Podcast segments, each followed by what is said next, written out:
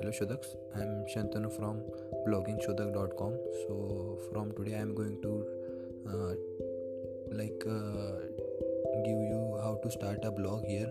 I'm podcasting about how to start a blog. So I am doing this in both the language in Hindi and Marathi in, in Hindi and in English. So I uh, after that I will uh, think of uh, doing that same in Marathi but uh, first of all I am going to do this in Hindi and English so this is what I am going to do this uh, in this uh, podcast episode.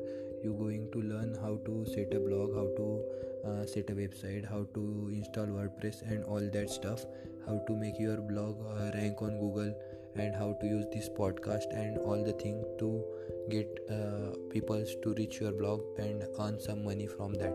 This is all what i am going to teach you